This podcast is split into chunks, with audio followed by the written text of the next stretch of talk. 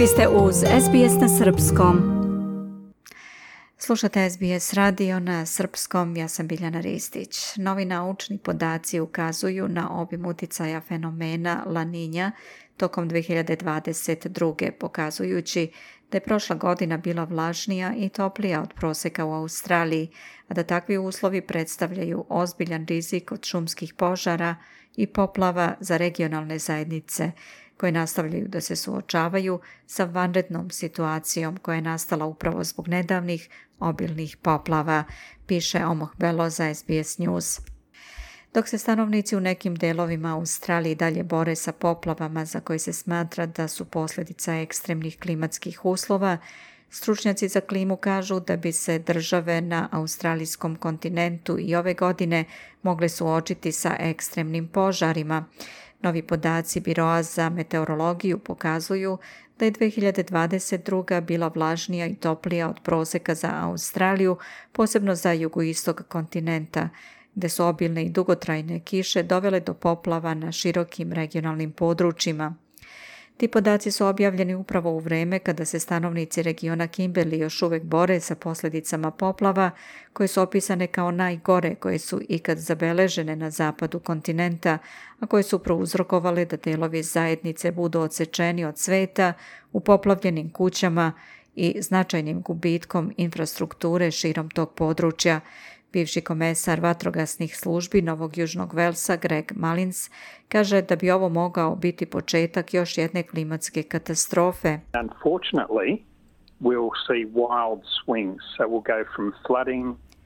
Nažalost, bit ćemo svedoci mnogih naglih promjena, pa ćemo vidjeti poplave, zatim uh, travnate oblasti zahvaćene požarima, Pošto je do sada pustinski crveni deo Australije obrastao zelenom travom koja će postati smeđa, a onda će početi da gori, a onda ćemo ponovo vidjeti i prave šumske požare kada počne El Niño. El Niño i La Niña uzrokuje prirodna variabilnost klime kojoj i oni doprinose. Oni narušavaju normalne obrazce padavina i atmosferske cirkulacije u tropskoj zoni i smatraju se suprotnim fazama atmosfersko-okeanskog fenomena koji se zajednički naziva El Niño južna oscilacija. Javljaju se svakih 3 do 7 godina i obično traju 9 do 12 mjeseci, a utiču na vreme širom sveta. La Niña čini istočnu Australiju vlažnijom nego obično, dok El Niño čini suprotno, izaziva toplije i suvlje vremenske prilike. Vlažniji vremenski uslovi postiču rast biljaka koje se sasuše u sezoni vrućina što dovodi do šumskih požara. Savjetnica za klimu i profesorka Leslie Hughes kaže da očekuje dodatne kiše i poplave u zasićenim slivovima ovog leta. Ona kaže da postoji potreba za unapređenjem sistema upravljanja tokom katastrofa u zemlji, pošto se vanredne situacije pogoršavaju. We absolutely need to stop subsidizing the fossil fuel industry. Apsolutno moramo da prestanemo da subvencionišemo industriju fosilnih goriva i umjesto toga da koristimo taj novac da pomognemo zajednicama da se izbore sa sve opasnim vremenskim prilikama. Također moramo veoma brzo da pređemo na 100% obnovljivu energiju i da pomognemo ostalima u svetu da urade istu stvar, kaže ona. Tokom 2022. 2023. je treća po redu laninja i to je četvrti put da su tri uzastopna talasa laninje zabeležena u evidenciji biroa od 1900. Predsjedavajuća lekara za životnu sredinu Novog Južnog Velsa, dr. Kim Lo, kaže da su zdravstveni sektor i zajednica iscrpljeni Kaže da postoji rizik od podcenjivanja opasnosti od vremenskih uslova. Um, od toplotnih talasa je umrlo više ljudi nego od drugih prirodnih katastrofa zajedno, a sada postoji više studija koje pokazuju da se sa uticajem toplotnih talasa povećavaju samopovređivanje međuljudsko nasilje, agresija, samoubistva i ubistva. Sve ove stvari su povezane sa toplotnim talasom i ljudi još uvijek ne shvataju opasnost, kaže ona.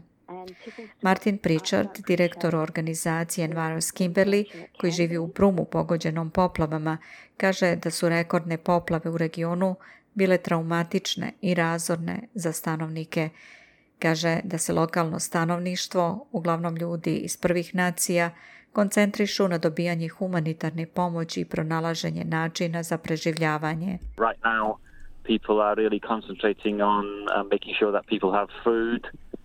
Trenutno se ljudi koncentrišu na to da imaju hranu i sklonište i počinju da prave plan za obnovu ovih udaljenih zajednica koje su pretežno aboriđinske zajednice ovde u Kimberliju.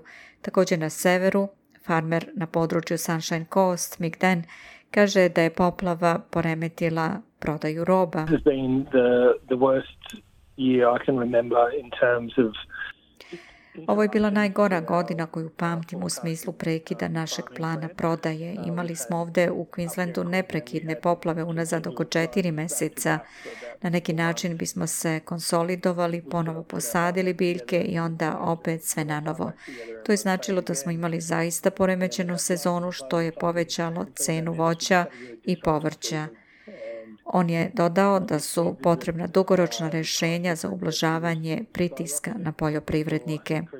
Savjetnik za klimu David Karoli veruje da je smanjenje emisije gasova staklene bašte bitno dugoročno rješenje koje će smanjiti efekte klimatskih promjena na vremenske sisteme i pomoći u zaštiti zajednica, ali gospodin Dan kaže da je možda prekasno da se nešto desi u korist farmera a bivši komesar vatrogasnih službi Novog Južnog Velsa Greg Malinc veruje da je vlada učinila napore da primeni preporuke Kraljevske komisije koji se tiču međunarodnih procedura u slučajevima prirodnih katastrofa ali kaže i da bi trebalo učiniti veći napor da se smanji emisija gasova staklene bašte. Bilo je veoma teško za ljude koji su preživljavali jednu katastrofu za drugom. Još jedan utjecaj klimatskih promjena je pogoršanje uslova tokom katastrofa, a ono na što vlade zaista moraju da se usredsrede je umanjivanje efekata klimatskih promjena.